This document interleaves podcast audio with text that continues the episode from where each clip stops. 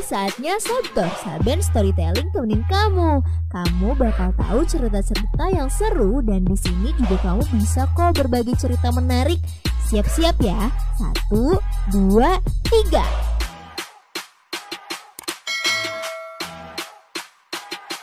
Hai everyone Balik lagi sekarang giliran Saben temenin kamu di Sabtor Saben Storytelling Tapi uh, sekarang storytellingnya rada berbeda asik. Karena ini tuh sebenarnya um, memperingati ulang tahun mama aku sih. Nah kemarin itu aku kan bikin video tiktok gitu tentang apa namanya tentang ngasih kado ke mama gitu.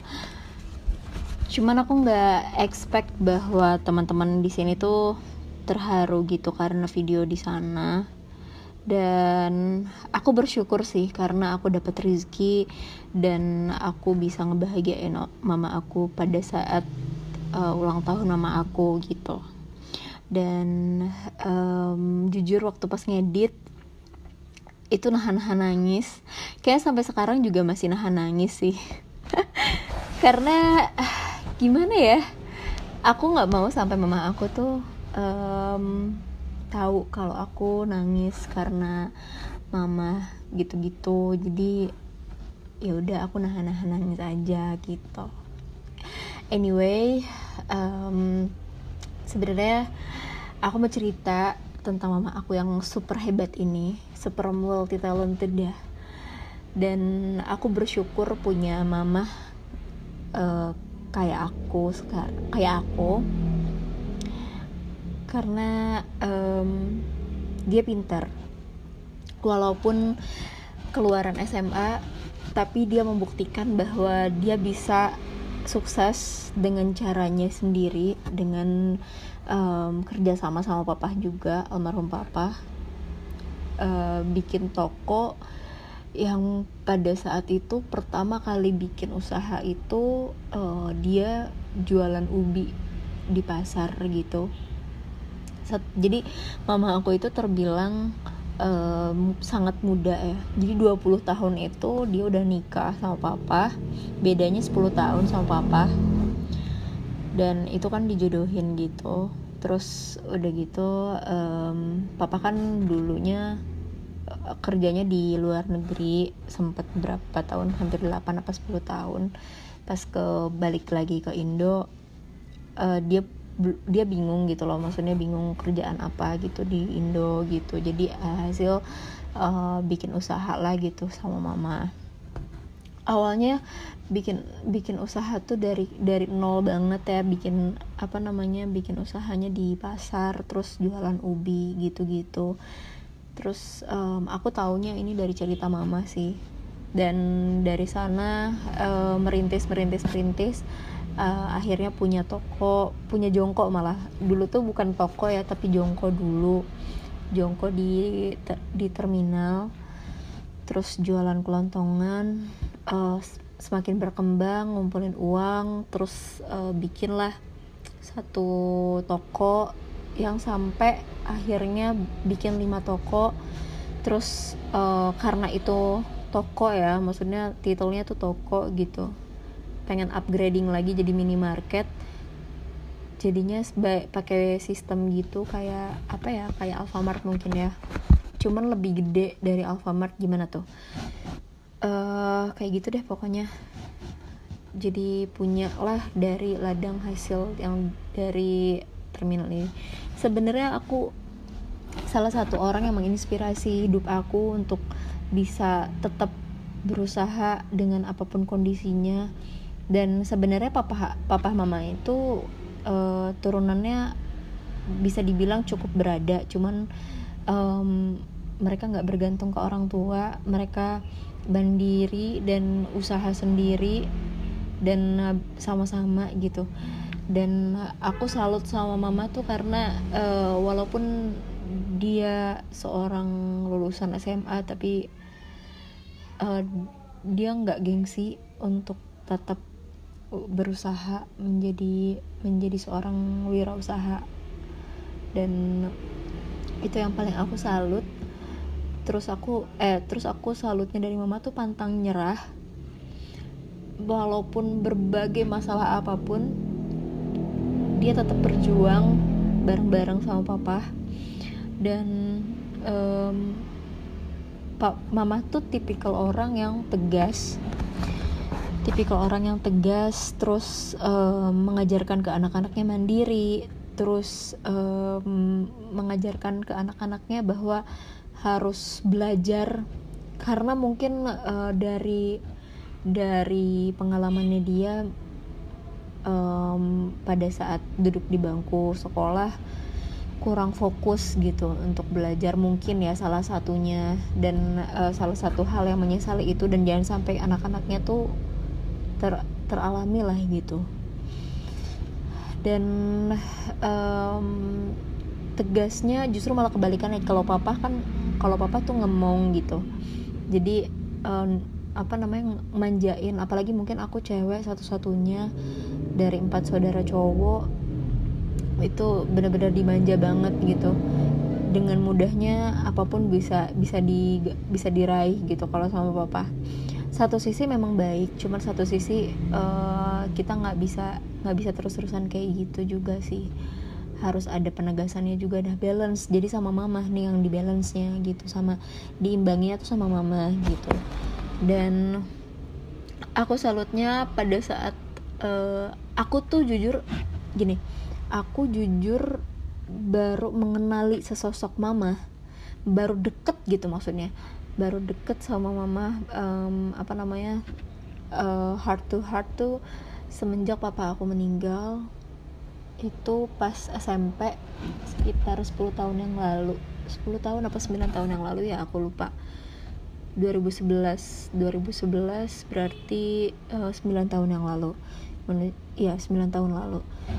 Dan aku bingung karena um, dulu tuh aku pegangannya papa gitu cuman papa dan ke mana-mana sama papa. Bener-bener kayak perangko sampai kayak kalau misalnya aku dianterin pulang atau jemput sekolah tuh harus sama papa. Dan um, apa namanya papa sendiri juga uh, ngetrit aku tuh kayak gitu gitu. Jadi gak boleh sama yang lain kecuali sama papa. Dan kecuali kalau papanya memang lagi ada halangan atau lagi keluar kota baru boleh sama yang lain gitu.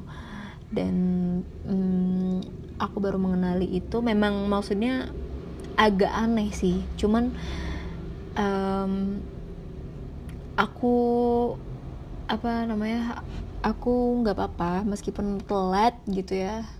Meskipun telat aku mengenali sosok ibu tapi uh, dari sana aku mulai belajar mulai belajar kayak oh kayak gimana sih um, mama itu oh kayak gini ternyata kayak gini. Aku sering banget sering banget berantem gitu. Karena mungkin aku uh, deketnya sama mama itu SMP gitu.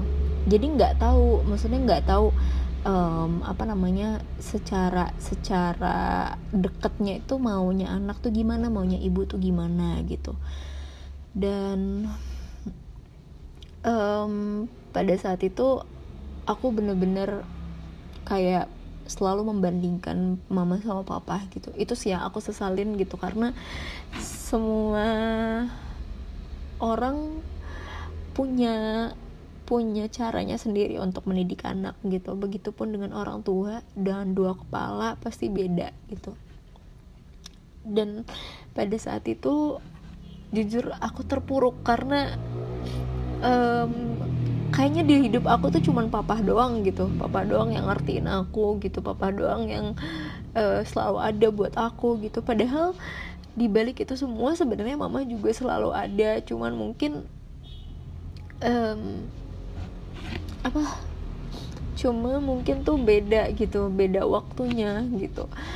Mama tuh memang lebih lebih banyaknya tuh waktu untuk kerja gitu. Tapi kerja di sini juga kan buat buat anak-anak gitu buat um, apa namanya rumah tangga gitu kan. Dan aku nggak uh, dari sana aku mulai mikir gitu oh memang iya gitu kan. Um, apa namanya segala sesuatu juga zaman sekarang memang harus ada uang tapi memang mungkin uh, waktunya yang kurang. Dan um, makin sini makin aku tahu gitu oh mama ternyata kayak gini oh mama ternyata kayak gitu gitu. Dan aku ada dapat pembelajaran banyak banget dari mama gitu. Um, mama tuh selama hidupnya selama hidupnya pasti ada hujatan sana sini dan mama tuh bodoh amat bener-bener kayak ya udah lempeng aja gitu straight on the point gitu. Dan ya udah gitu uh, kalau selama itu masih memang benar dan memang um, hal itu hal itu nggak merugikan siapa pun gitu cuman sebatas nyinyiran belaka ya udah gitu. Jalanin aja gitu kan. Nah ya udah dari sana um, apa mulai belajar gitu. Dulu tuh ya ampun sumpah. Aku tuh tipe orang yang bener-bener baper. Mungkin ya sebagian orang yang deket sama aku nih yang deket sama aku entah mungkin teman sahabat gitu ya um, merasa bahwa aku tuh orang yang baperan. Um, jujur mungkin karena aku um, pen, apa namanya deket sama papa juga sih. Jadi um, papa tuh bener-bener ya ampun. Papa tuh kayak apa ya? Kayak malaikat deh menurut aku gitu ya. Karena uh, kalau kalau malaikat kayaknya ketinggian. Cuman kalau misalnya menurut aku tuh bener-bener dia itu mengayomi tuh bener-bener pakai hati banget gitu. Jadi mungkin mellow mellownya itu gitu pas papa aku nggak ada. Dan apa-apa jadi jadi baper gitu. Dulu tuh sampai parah banget gitu. Bapernya tuh parah banget. Segini tuh menurut aku udah udah jauh lebih baik dibandingkan dengan aku yang dulu gitu. Dan um, dari berbagai banyak masalah yang aku jalanin entah dari yang terkecil sampai hal yang terbesar banget um, aku mendapatkan banyak pelajaran yang menjadikan aku tuh nggak uh, terlalu baper walaupun masih ada orang yang menganggap aku baperan orangnya. Tapi nggak apa-apa tapi dari sana juga aku mulai belajar kan mulai, belajar ke mama aku oh gimana sih caranya untuk bodo amat? gitu.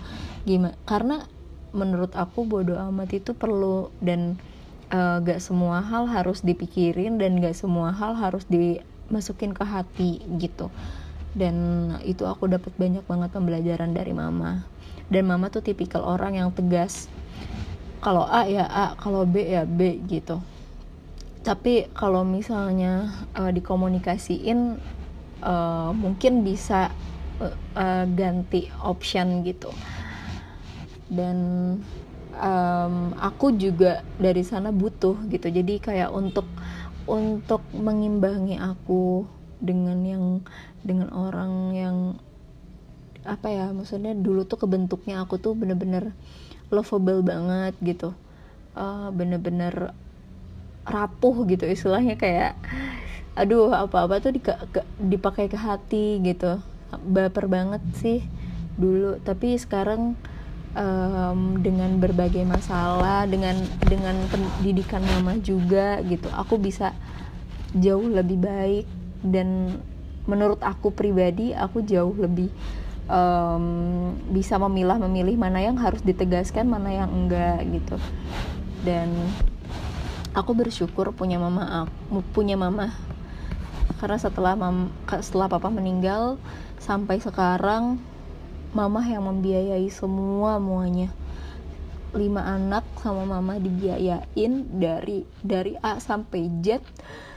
Itu um, kayaknya aku pribadi sulit ya. Aku nggak tahu aku nggak bisa nggak bisa menilai gimana masa depan aku ke depannya tanpa pasangan gitu. Tapi tetap survive tetap jalanin usaha. Itu yang bikin aku salut banget sama mama karena gak semua orang loh bisa bangkit lagi bisa membiayai lagi anak-anaknya gitu. Dan aku nggak kekurangan sama sekali sampai sekarang. Itu yang aku salut gitu. Mama tuh berusaha untuk ma untuk anak-anaknya biar bahagia. Tapi mungkin anak mungkin anak-anaknya terutama aku mungkin ya dari aku pribadi gitu. Dari aku pribadi masih nyusahin mama.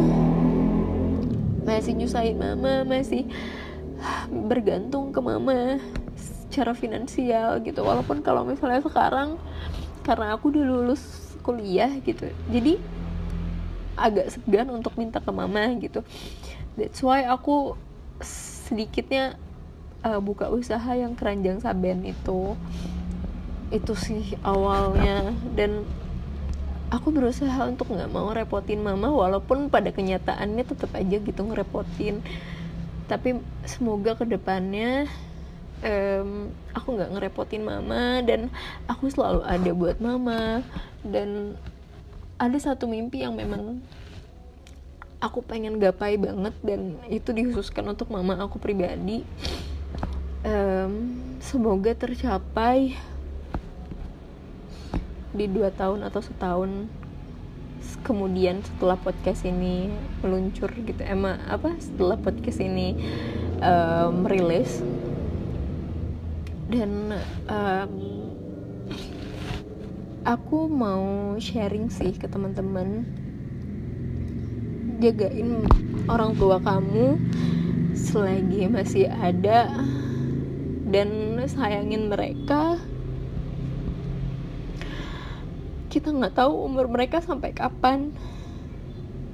Tapi tetap berusaha dan um, berusaha untuk nggak ngerepotin mereka. Bahagiain dengan walaupun bahagianya misalnya hal kecil apa pun tuh mereka sebenarnya bahagia. Kayak misal kita keluar rumah. Terus um, tiba-tiba kita ngasih uh, makanan gitu kesukaannya dia atau misal kalaupun misalnya nggak kesukaan dia minimal bawa makanan bawa teng-tengan makanan atau minuman gitu. Pulang dari pulang dari luar gitu. Itu hal kecil tapi menurut mereka itu bener-bener bener-bener nyentuh karena mereka mikir gitu orang tua kita tuh mikir kayak oh ternyata inget ya walaupun di luar gitu. Tapi mereka mungkin ada sebagian orang tua yang gengsi untuk mengungkapkan hal itu. Dan mama aku termasuk orang yang gengsi. Jujur itu tuh mama aku tuh gengsi banget orangnya. Gak mau gitu. Um, apa sangat jarang untuk mengapresiasi uh, ke keberhasilan anak-anaknya di depan anak-anaknya sendiri tapi aku tahu karena mama tuh um, ngobrol ke ke mama ke apa namanya ke ke adik-adiknya ke ke saudara-saudaranya. Kayak misal um, dulu aku uh, apa namanya MC misalnya gitu kayak MC MC di Bandung gitu. Uh, waktu pas aku kuliah kayak iya uh, bagus Elsa tuh gini gini gini gini katanya gitu. Maksudnya kayak uh, Elsa walaupun kuliah tapi bisa tapi seenggaknya bisa nambahin uang jajan pakai MC gitu. Walaupun sedikit tapi nggak apa-apa bagus ya gini gini gini. Dan itu um, saudara aku pas pas dapat kabar itu aku langsung ngabarin ke aku gitu. Neng mama tuh um, kemarin nyeritain neng lo gini uh, apa yang apa namanya bangga sama sama kamu katanya. Soalnya udah udah udah bisa ngehasilin uang jajan uh, di MC katanya gitu. Oh iya iya. Jadi apa ya um, itu terharu sih. Cuman aku tahu sifat mama tuh orangnya gengsi gengsi banget gitu.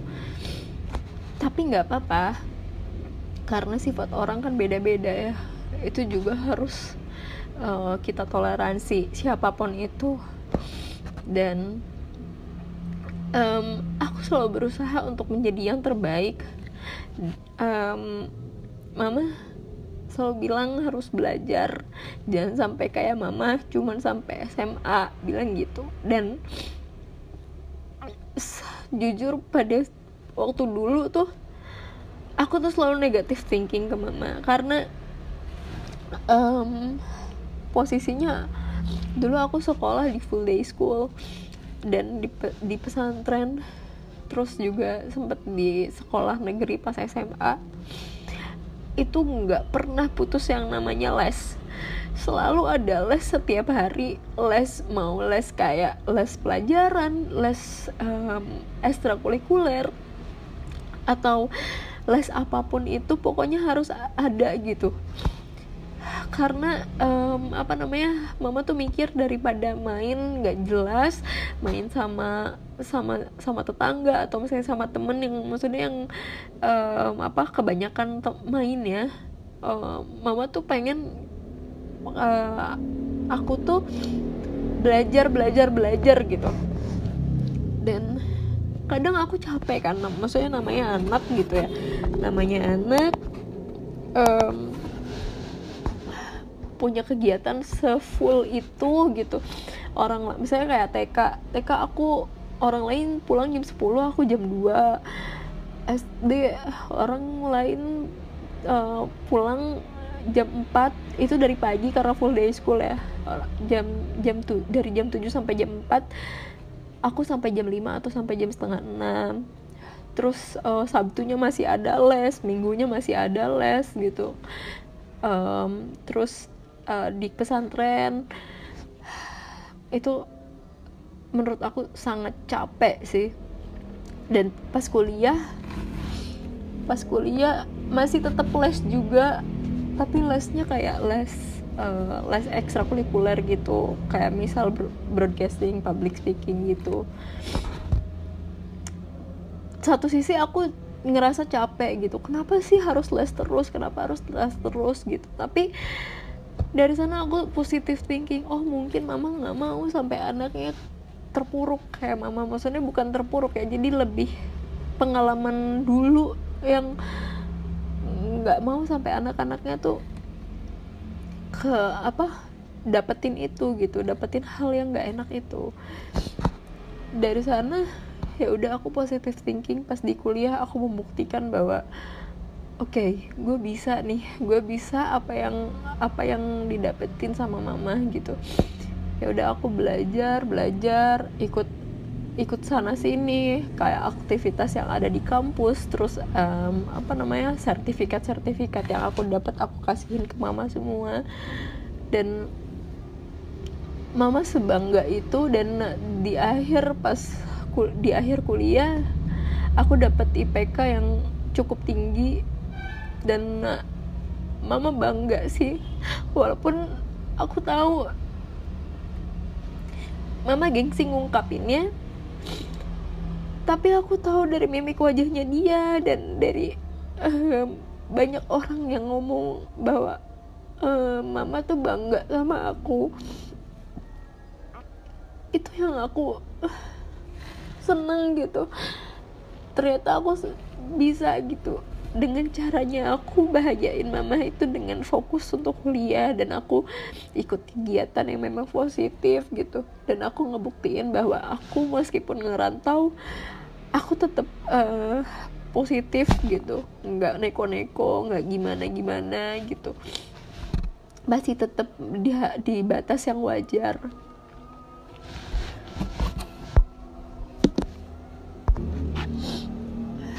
Um, ya udah dari sana aku mencoba untuk membahagiakan mama dengan cara aku sendiri. Dan aku sekali lagi berpesan sih coba untuk bahagiain orang tua kamu selagi ada. Dan semoga um, kamu memanfaatkan waktumu sebaik mungkin. Dan good luck. Semoga berhasil. Dan pokoknya sayangi mamah-mamah kalian dan papa juga. Makasih udah dengerin podcast ini.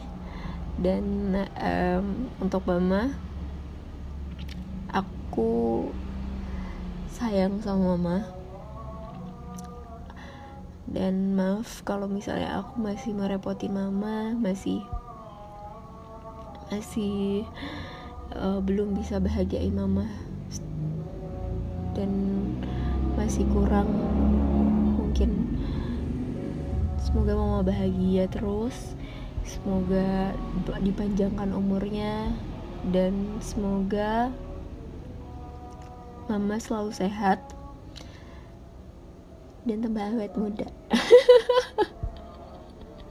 Selamat ulang tahun mama.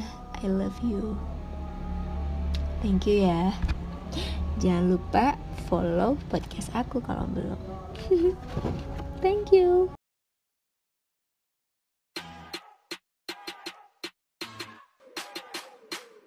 Penasaran apalagi sih yang bakal dibahas di podcast? Makanya jangan lupa dengerin terus podcast podcast Elsa Sabena setiap hari Rabu dan Sabtu jam 7 malam.